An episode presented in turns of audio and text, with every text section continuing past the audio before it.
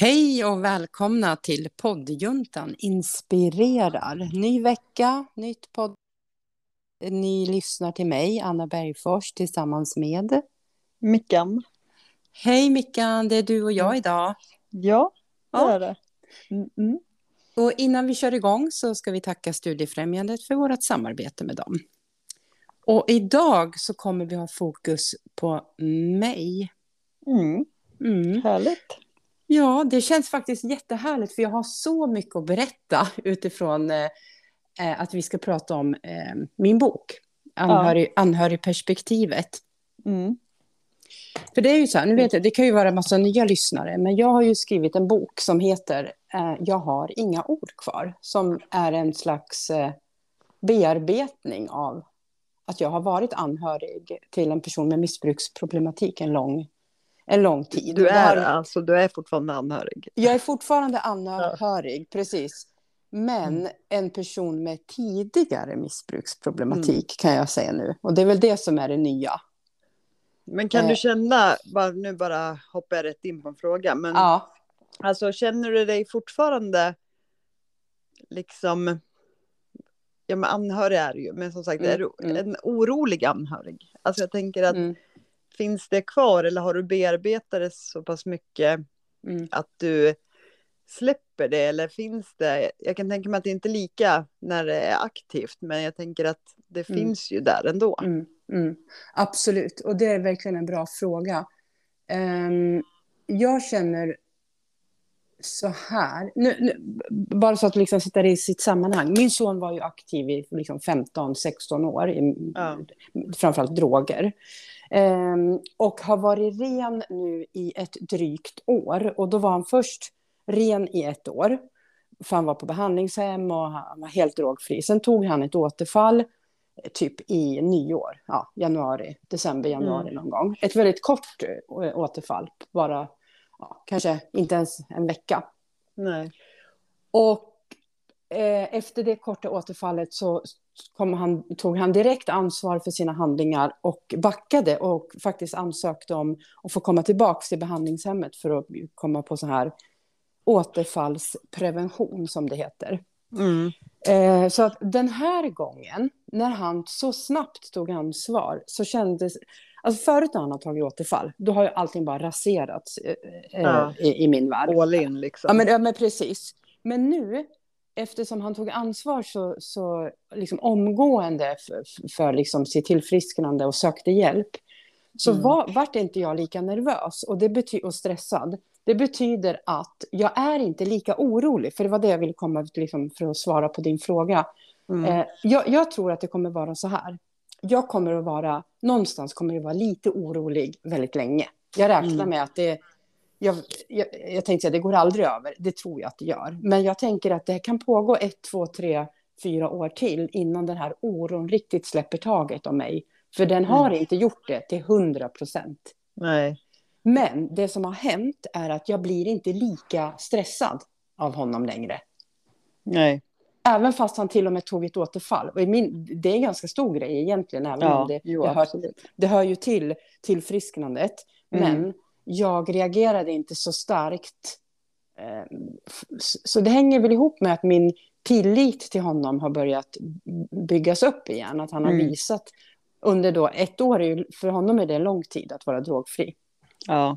Så jag tror att lite får man leva med oron, men eh, jag tror att den kommer att avta. Och sen om kanske fem, tio år kommer jag nog inte känna någon oro alls. Jag tror faktiskt att det är så. Eller jag Mm. hoppas det. Jo. Jo, Så. och sen som sagt, han visade ju nu i alla fall mest för sig själv det här att nej, Ja. jag vill inte det här. Och sen ska jag väl inte säga att jag tror, eller jo, jag står för mina egna åsikter, men Mm. alltså jag, em, man vill nog kolla sig själv att är det, det kanske Ja, inte var så det. farligt. Nej, jag vill nog bara det. se om jag, jag klarar nog det här den här gången. Just det. Precis. Och ehm, nu så insåg jag han ganska snabbt att nej, det är Nej. inte det här jag vill liksom. Nej, nej, men precis. Det ligger säkert mycket i det, att eh, man, man kan känna så, ja. Ja, och sen att man hinner glömma bort Ja, liksom, ja. vad, vad skiten gjorde med en. Utan Ja. att nej, det var nog inte så farligt. Och, Nej. nej, jag klarar det här. Och Ja, men Och sen- precis, precis. Exakt. Nej, men så Mm. det känns, eh, ja, alltså på ett sätt, Mikael, så är det nästan overkligt. Ja. Alltså den här nya situationen som är i mitt liv, som inte är, jag lever inte längre under liksom total stress och oro längre. Nej. För det gör jag inte nu, för det behöver jag inte. Det Mm. är nytt och det är jättekonstigt. Ja. För det har jag tänkt på, liksom, men gud, du vet ibland har jag så här nästan inte, det här låter helt sjukt, men inte så här, åh, det saknas något i mitt liv. Alltså förstår du? Ja. Det är oron och stressen.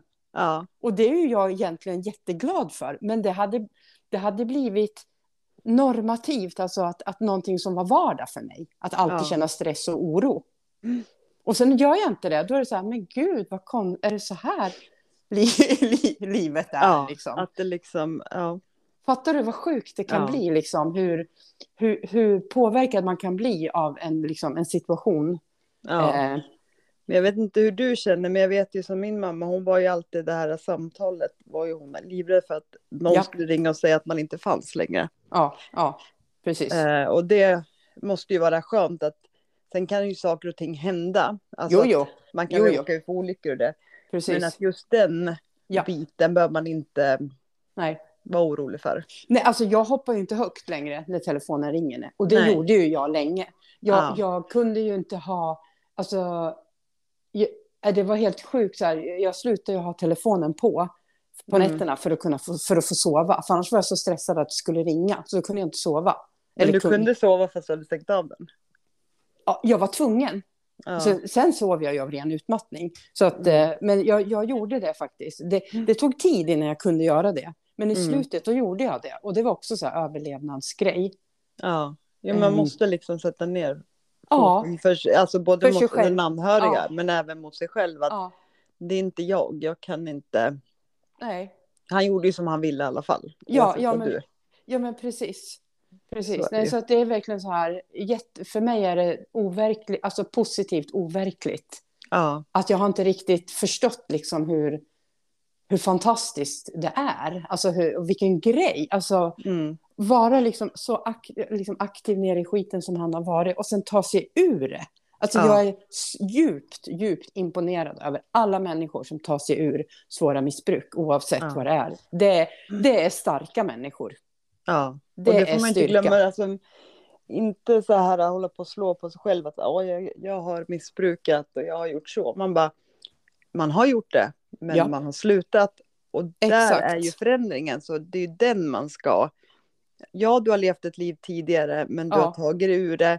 Ja, Du har slutat knarka eller slutat druckit ja, precis. och du är här nu. ja, där ska exakt. man liksom, det är där man ska lägga fokus på ja, när man är drogfri. Inte det här att, ja fan vad jag gjorde si eller Nej, nej, gud jag gjorde så eller. precis. Och gräma sig över det. Nej. För det kan Mm. jag tänka mig ganska lätt att, att eftersom ofta så är det ju så att man ställer till det ganska mycket om jag får säga så, både för sig Ja. själv och för andra när man är i ett Mm. missbruk.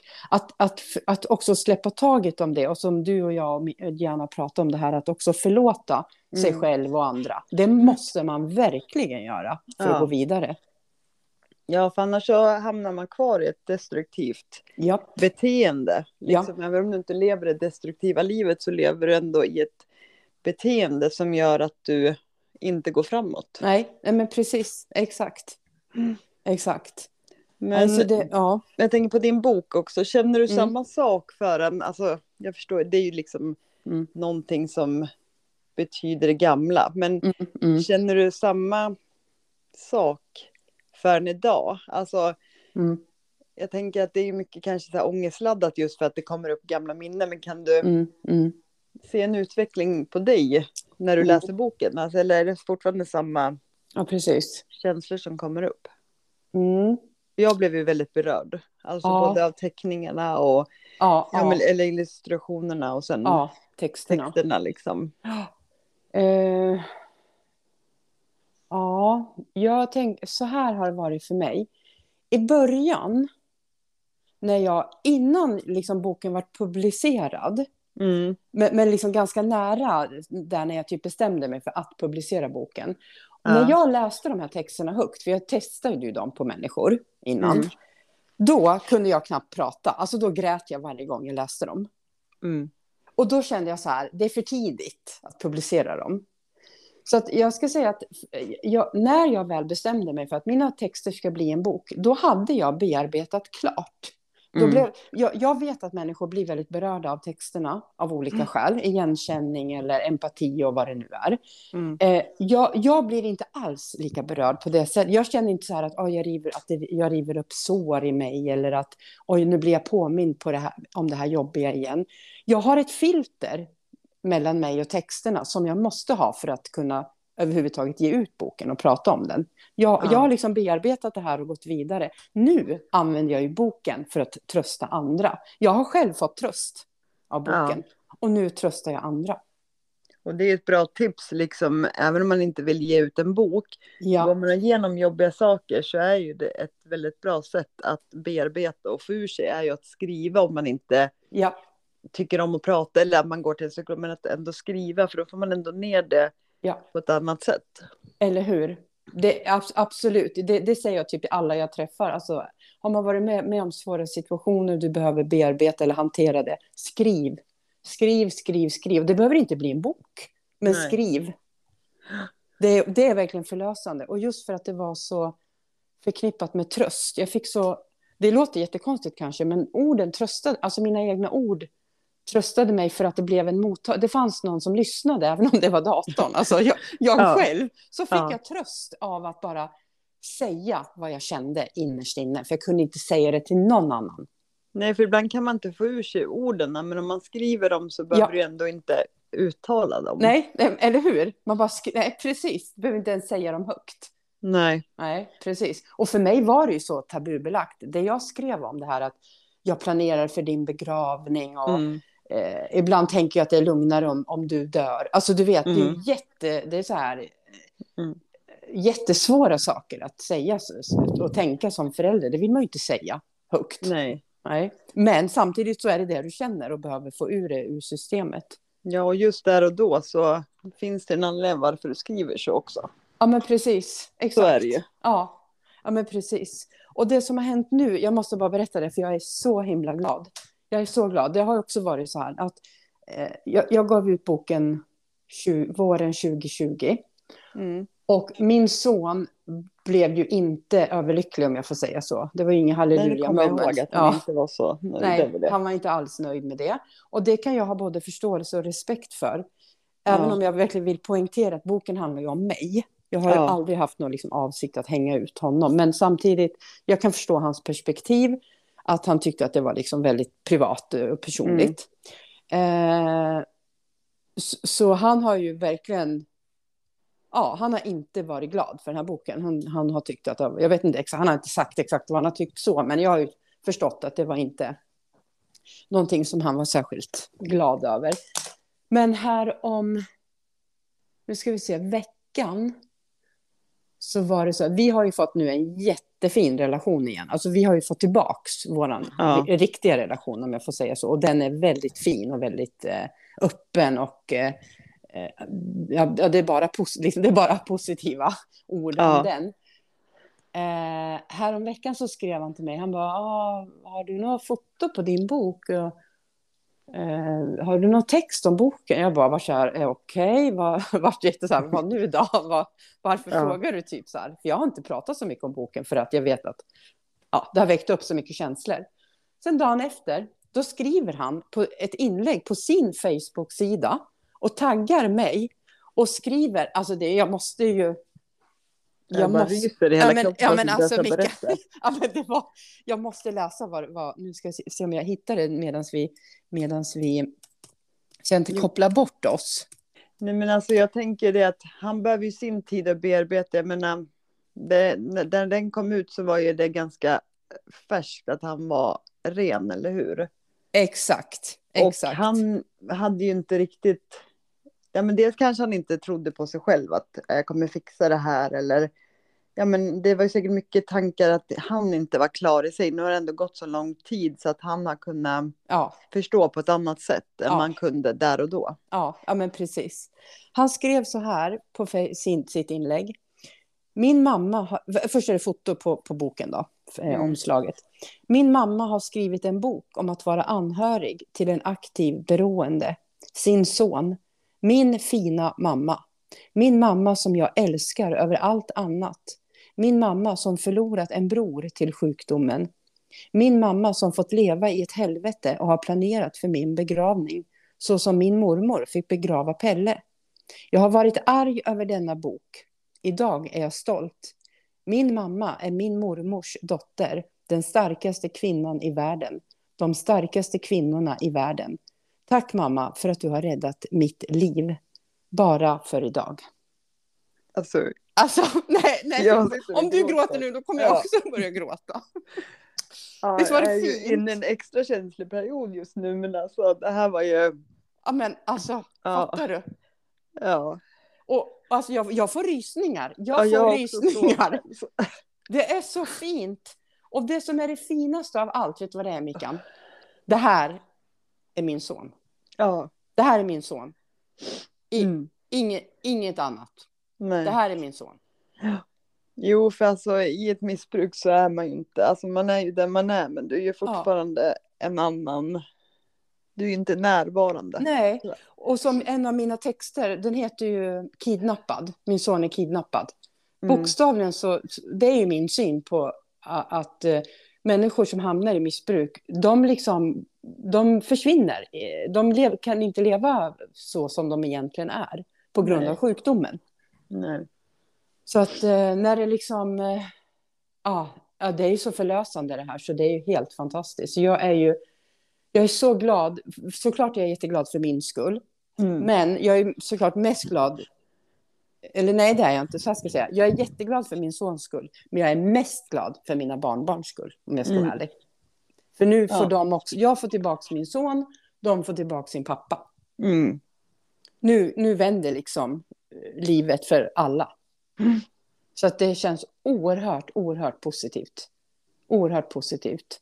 Och en till sak som är också jättepositiv, som jag tycker, det är ju att min bok också är översatt till engelska. Ja, det är jättekul. Ja, så jäkla roligt. Jag an, använd, anlitar ju en, ja, vad säger man, auktoriserad översättare, för jag är inte så jättebra på engelska. Så den har blivit översatt och finns på amazon.com, så det är där jag, jag, tänker att jag, jag ska ju nå ut nu till den här lilla eh, internationella marknaden. Engl Storbritannien, Kanada, USA. Ja. ja, med min bok. Man måste ju börja någonstans, eller hur? Ja. börja lite smått där. Men... Ja, jag är fortfarande, jag har fortfarande svårt att prata. Jag, alltså, jag tycker det är jättekul att du ska... Men, ja, Eller att jag ska erövra... Ja, du, du är kvar här hemma. Ja, jag är kvar I Sverige. hos vad din son skrev. Ja. Så, ja. ja, visst. Oerhört fint. Oerhört mm. fint. Så, ja. ja. Det är nu man önskar vet, att vi hade kunnat haft möjligheten att lägga in lite musik så man ja. kunde bara Känslor, lite känslomässigt. Andas och komma tillbaka ungefär. Ja, ja precis. Ja. Nej men det är fantastiskt är det. Mm. Det är fantastiskt att det vänder. Och det jag det måste ju vara den bästa recensionen du ja, någonsin har ja, fått. Ja, ja, ja. ja, ja. alltså, jag vet att du har fått jättemycket ja. fina hyllningar och det, ja. men det där måste ju ändå vara den som... Den, absolut, absolut. Som... Den ja. Eh, slår allt. Och det mm. som jag tycker är så härligt också nu, förut när jag föreläste för bara, något år sedan, då var det ju så här lite, jag, jag fick nästan dåligt samvete för att när de frågade så, ah, hur är det med din son nu? Då var ju han fortfarande aktiv. Och då mm. såklart så sa jag att ja, han är aktiv.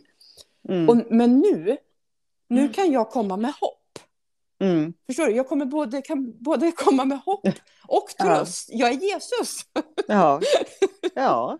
Tänkte jag säga, det är jag inte. Men jag, jag, ja, precis. Men jag, jag kan även komma med hoppet. Och det känns väldigt skönt för att det finns hopp. De flesta mm. människor dör inte av de som knarkar. Det är faktiskt rent statistiskt så dör inte de flesta. De tar sig ur det.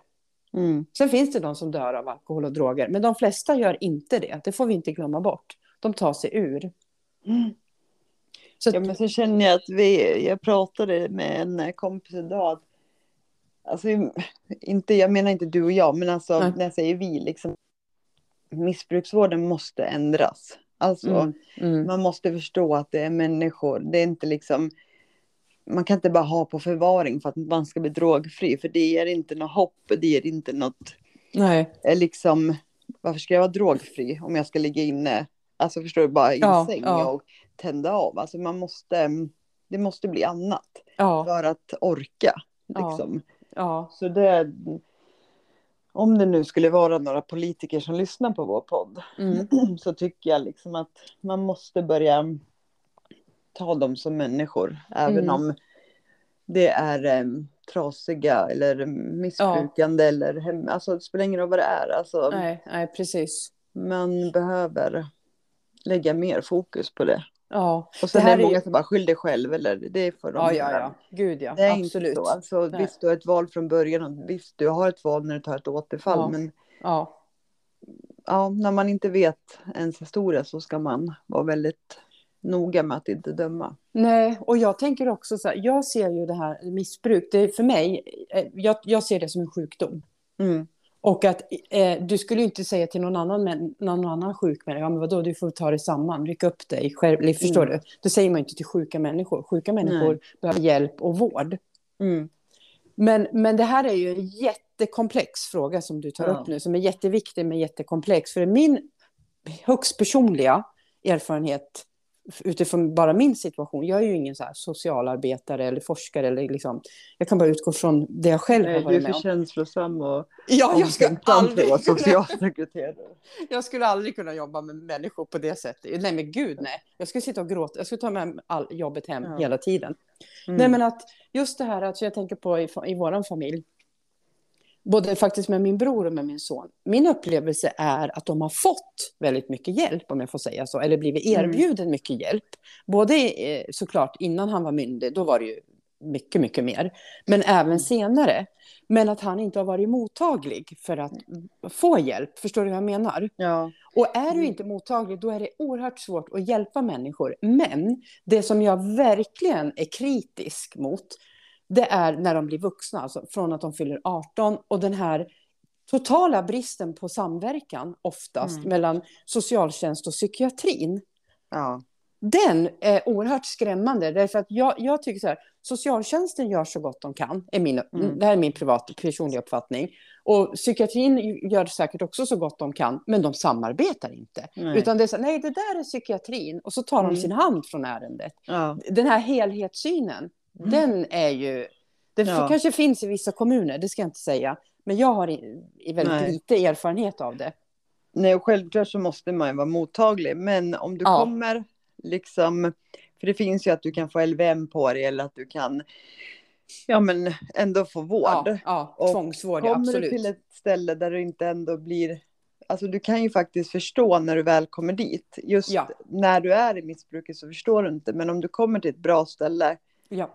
Och eh, de verkligen får dig att förstå att du gör dig själv illa. Ja. Det är det jag menar, men om du bara hela tiden bara blir skickad och du vet inte själv vart du ska. Du orkar Nej. ju inte till slut be om hjälp Nej. heller. Nej, Nej men absolut. Det är det jag menar att absolut. det behöver liksom det är klart att är man inte mottaglig, nej då kan man kanske inte göra, men man kan ändå försöka liksom så ett frö. Ja. Inte bara att det ska vara ja, blev kastad mellan olika avdelningar. Nej. Kastade så här att nej, men det där är inte min, det där är inte min ensak. Det där får du ta där, det får du ta ja. där. Man bara, nej.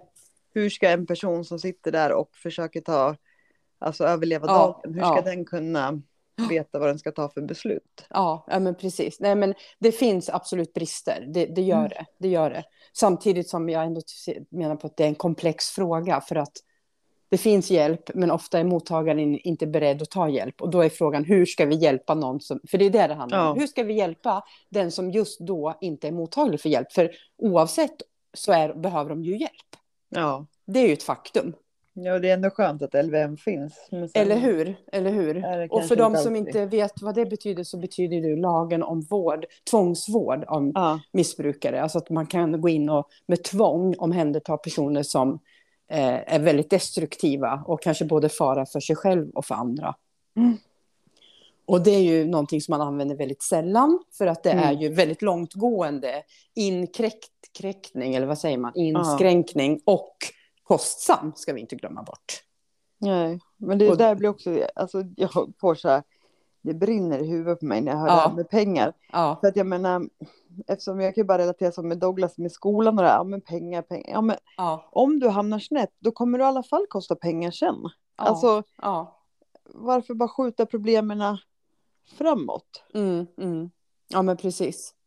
Ja. Exakt. Nej men det där är också, alltså ja.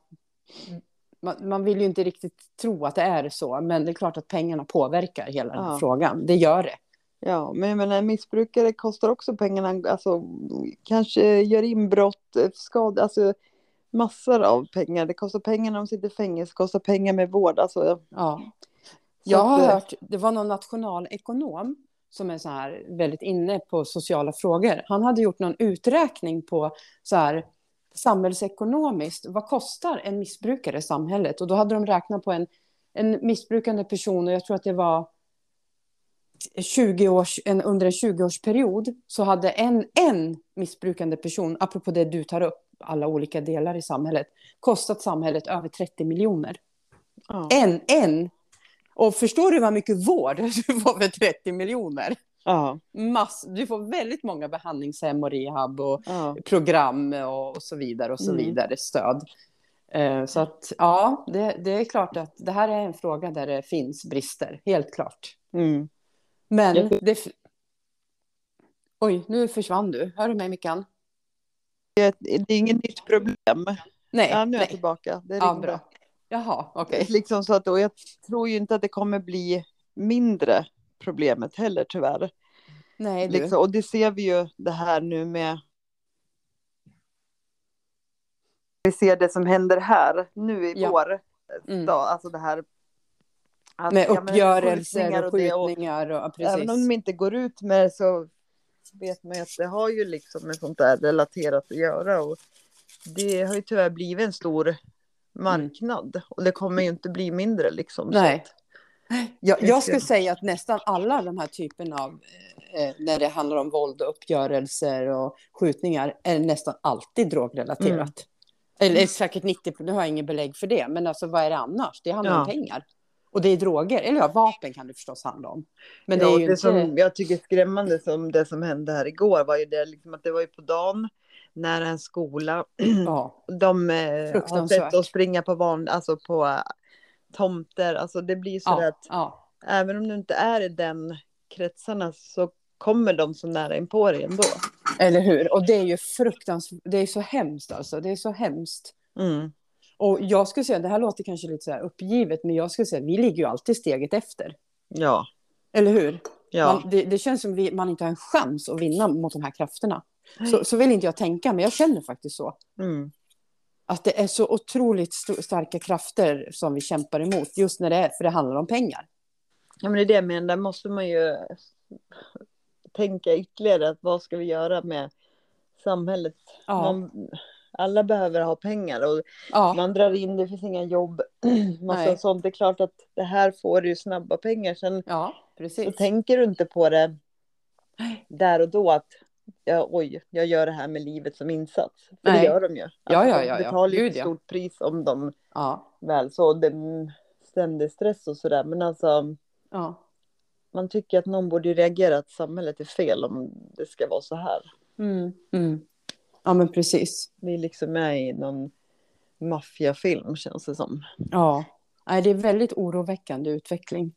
Mm. Verkligen. Alltså det jag tänker, för jag får ofta frågan, men vad kan man göra då för att liksom motarbeta eller motverka det här med missbruk och så. Och det enda, jag, enda rådet jag har, det är just eh, perspektivet att stärka sina barn eller mm. barn i ens omgivning, barn, barn, barn, syskonbarn, vilka det nu kan vara, att stärka dem med bra självförtroende och bra självkänsla så att de kan säga nej. För ja. de kommer bli erbjudna och det kommer finnas situationer ofta i människors liv när de blir erbjudna eller det finns en möjlighet att man kan, kan få droger och så vidare. Att då ja. säga nej. Det, det är det enda jag, en, mitt enda råd. Stärk ja. barnen så att de säger nej. Ja. Så att de inte liksom bör, vågar börjar. prata om det för att jag menar. Ja. Och det är skrämmande för jag, om man bara går tillbaka 20 år så var det liksom. Det var inte bara att alltså du kunde inte bara köpa droger sådär. Nej, nej, nej. nu nej, köper du det liksom genom sociala medier. Och det är Hur lätt det som helst. skrämmande. Du behöver inte ens gå utanför dörren. Och Nej, nej. det är ju Det är skrämmande. skrämmande. Ja. Alltså då, förr var du tvungen att jaga för att få. Ja, ja, men det var lite Nu- mer liksom. nu liksom precis. jagar de för att Ja. få. Alltså, Exakt, och nu som åker de till skolor och, och säljer på skolgårdar och så vidare. Mm. Nej, det är helt sjukt. liksom Men- Det en sån tillgänglighet sådär. Ja, det är riktigt oroväckande. Ja. Ja. ja, det är svårt att veta vad man ska... Alltså, Ja, för skrämsel Ja. är också inte... Det nej, har men, hjälpt eller hur? mig. Nej, nej, det, precis. Den, Liksom den, här den är att- lite tudelad, den där med skrämseltaktik eller inte. För sen finns det ju de som det faktiskt har hjälpt. ja. Som är så här... Eh, så att det, ja, nej, det är också, vi får se att människor är också individer. Det som funkar Ja. på en behöver inte funka på en annan. Man måste jobba på många olika plan. Mm. Och, och nu vill jag komma då tillbaka till min plan, att jobba i hela världen. ja. Vad säger du om det, att jag ska göra karriär i Storbritannien, USA och Kanada? Ja men alltså, det du säger att du ska göra gör du. Så att jag, eh, Det är jag bra. bara liksom väntar på den dagen vi ser dig på. Jag vet inte om Oprah Winfrey finns kvar. Men Nej, just det. Ja, men precis. liksom där eller ja men något Ja, sånt. just det. det ja, men det var en bra. Ja men alltså du är helt rätt för som sagt missbrukare blir bara mer och mer. Det är lättare och alltså jag tror att ju mer du som anhörig går ut och berättar desto mer vågar andra anhöriga. Ja men de är inte ensamma. De Nej. känner liksom att ja det där, ja, jag känner igen mig och Mm. just det här äh, något som är jobbigt men att som man måste det är faktiskt att backa från den som missbrukar. Mm. Och det Mm. tror jag att genom att du är den du är och berättar så kan andra mammor eller ja men pappa, alltså släktingar, anhöriga överlag känna igen sig och att de inte är ensamma och känner skuld eller skam. Precis. Precis. Och därför tror jag att det kanske är fler som slutar göra det lätt för att missbruka Ja, att missbruka. Faktiskt. Att det att precis, man reducerar antalet möjliggörare. Mm. Ja, det är sant. För jag menar de som gör det möjligt är ju oftast Mm, mm. Ja, Alltså medberoende anhöriga. Som Exakt. gör det väldigt lätt att fortsätta knarka. precis. Helt klart. Så att eh, du är helt rätt. Ja. Min, min enda liksom, det som jag har haft lite jobbigt med, det är ju att jag inte, jag har ju tyckt att jag inte är så bra på engelska. Jag tillhör ju den här generationen, jag har ju läst engelska. Jag har Mm. rest en del och jag har inga problem liksom att, om jag reser utomlands och pratar engelska. Men jag använder inte engelskan så ofta, så att jag känner mig väldigt ringrostig. Mm. Men då tänkte jag så här, att det här måste jag komma över. Det här är nog liksom hjärnspöken jag har.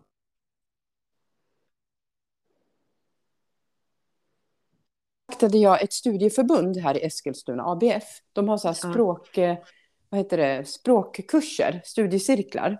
Ja. Och frågat så här, ah, kan ni tänka er att, eh, att bjuda in mig att jag får komma en timme och ha min föreläsning på engelska.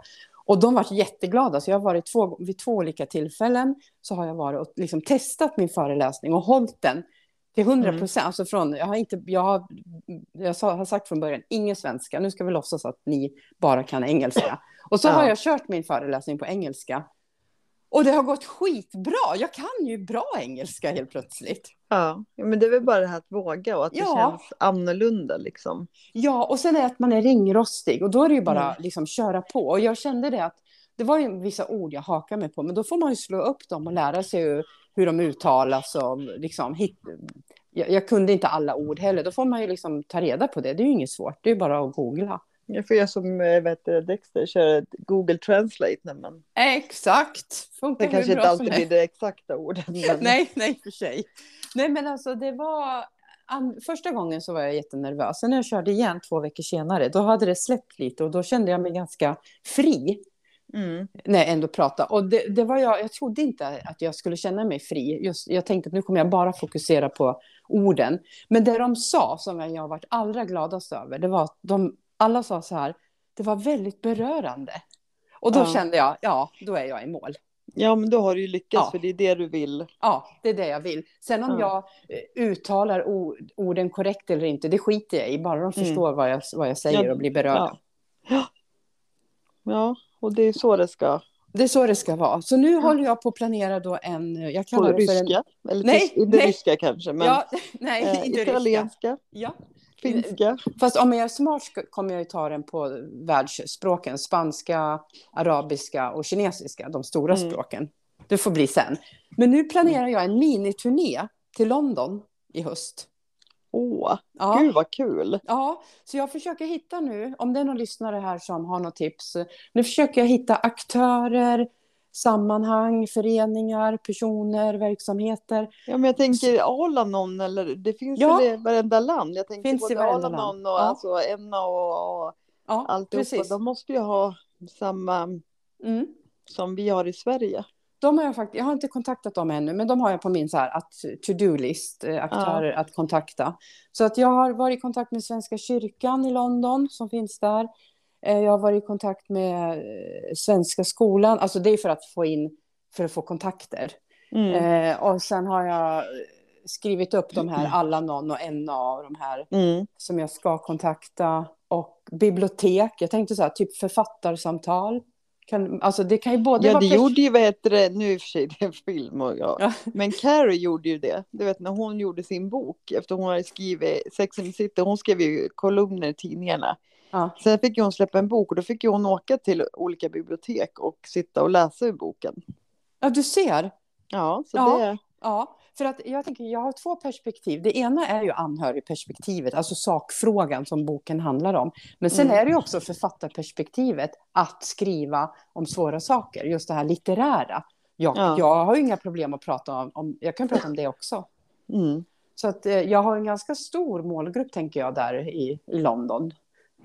Som ja, bara... jag tänker även alltså, utveckla det här i Sverige. Det finns ju liksom, jag tänker behandlingshem, jag menar, ja. alltså sådana, för de har ju anhörighetsträffar och det. Och det vore Absolut, ju just det. en jättebra grej att du kom och berättade, för ofta ser man det som ja. på NA-möten, där får du prata från dig själv. Ja, och ja. det kan ju vara för de anhöriga som är där, för de som har aktiva missbrukare, kan du ju föreläsa för också. Ja, men helt, helt sant. Jag skulle jättegärna föreläsa på, eh, på behandlingshem och särskilt så här som jobbar med anhörigstöd också. Mm. Gärna både miss, den som är liksom, håller på att sluta men också anhöriga. Det, det vore ju så här, mm. drömmen. Ja. För jag tror också att det är bra även för missbrukaren att höra hur det känns för en anhörig som Exakt. inte är anhörig. Exakt. Alltså man vill inte höra sin egen mamma, men att Nej. höra någon annans mamma Japp. kan ju bli så att, jaha, oj, vad har hon upplevt det så? Ja, men då kanske ja. min mamma också upplevt det så. Eller alltså, ja. Så jag tror att det är bra att höra någon annan, ja. även för missbrukarna, inte bara anhöriga, utan även liksom missbrukarna. Nej, men precis, precis. Mm. Och vet du vad jag har tänkt nu? Det här är en sån här tanke som är helt svindlande. Jag har vågar knappt säga den, men tänk Mickan på sikt om jag och min son skulle kunna åka ut och mm. föreläsa. Mm. Tänk om han också skulle skriva sin bok. Vad fick honom att sluta? Och sen ja. ha de här två olika perspektiven. Vore inte det riktigt jo. häftigt? Jo. Och då tror ja. jag att man skulle nå ut till väldigt många. Ja. Med de två perspektiven. Mm. Ja, absolut. Mm. Ja, det tror jag. Ja, för man behöver höra liksom mm. verkliga, inte bara att det står en som har läst. Nej. Att så här känns det eller så här är det, utan att man Nej. behöver höra det här ja, mänskliga. Ja, men precis, det som är självupplevt, ja. Mm. ja. Och vi ska snart avsluta, men jag måste säga en till sak som jag gör utifrån anhörig. Jag har ju blivit anhörigcoachen. Det är så kul. Ja, alltså jag är så, jag, vet du vem jag är Mickan? Jag är den där personen som jag själv hade be behov av. Mm. Det är så jag det är tänker. Så man ska göra, man ska ju liksom hitta sin ja. ICA tror jag de kallar det för. Alltså vem vill jag nå ut till? Ja. Alltså vem... Ja, just det, sin persona säger man ja. också ibland. Ja, mm. exakt.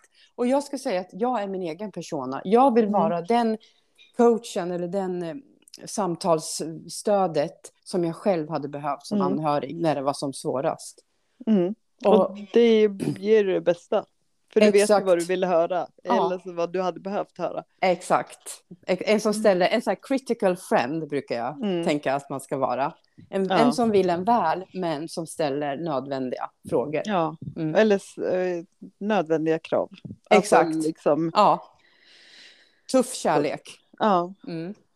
Så det är, den, det är den bästa kärleken. Ja, precis. Alltså det känns så himla spännande. Och jag kör ju nu så här att jag ska köra digitalt. Och det är för att det inte ska vara platsberoende. Så att man ska kunna hjälpa liksom, de som bor i Luleå eller Helsingborg mm. eller vart de nu bor. Mm. Så att eh, det är planen. Så det känns väldigt, väldigt... Eh, det känns bra. Man kan ja. hjälp, förhoppningsvis hjälpa någon. Och det är samma sak som med boken, för då kände jag så här, om en mamma får tröst mm. så är jag nöjd. Så känner ja. jag nu, kan jag trösta en, hjälpa en ja. förälder eller syster eller vad det är, ja. så är det värt. Ja, och det kommer du garanterat att göra. Så att... Ja, precis. Mm. Ja, men nu måste vi avrunda. Nu, tiden går fort när man har roligt, ja. tänkte jag säga. Ja, men det här är sådär som man skulle kunna prata evigheter om. Eller hur? Fortsättning får jag får berätta sen när jag har varit på min London-turné hur det var. Mm. Ja. det ser vi fram emot. Ja, precis. Mm. Ja, men ska vi... Men tack för att du delar. Ja, och tack för att du lyssnar. Tack för bra frågor och tack alla ni som lyssnar på oss i poddjuntan Inspirerar. Så mm. säger vi... Hörs tack. vi om en vecka. Det gör vi. Hej då. Mm. Hej då.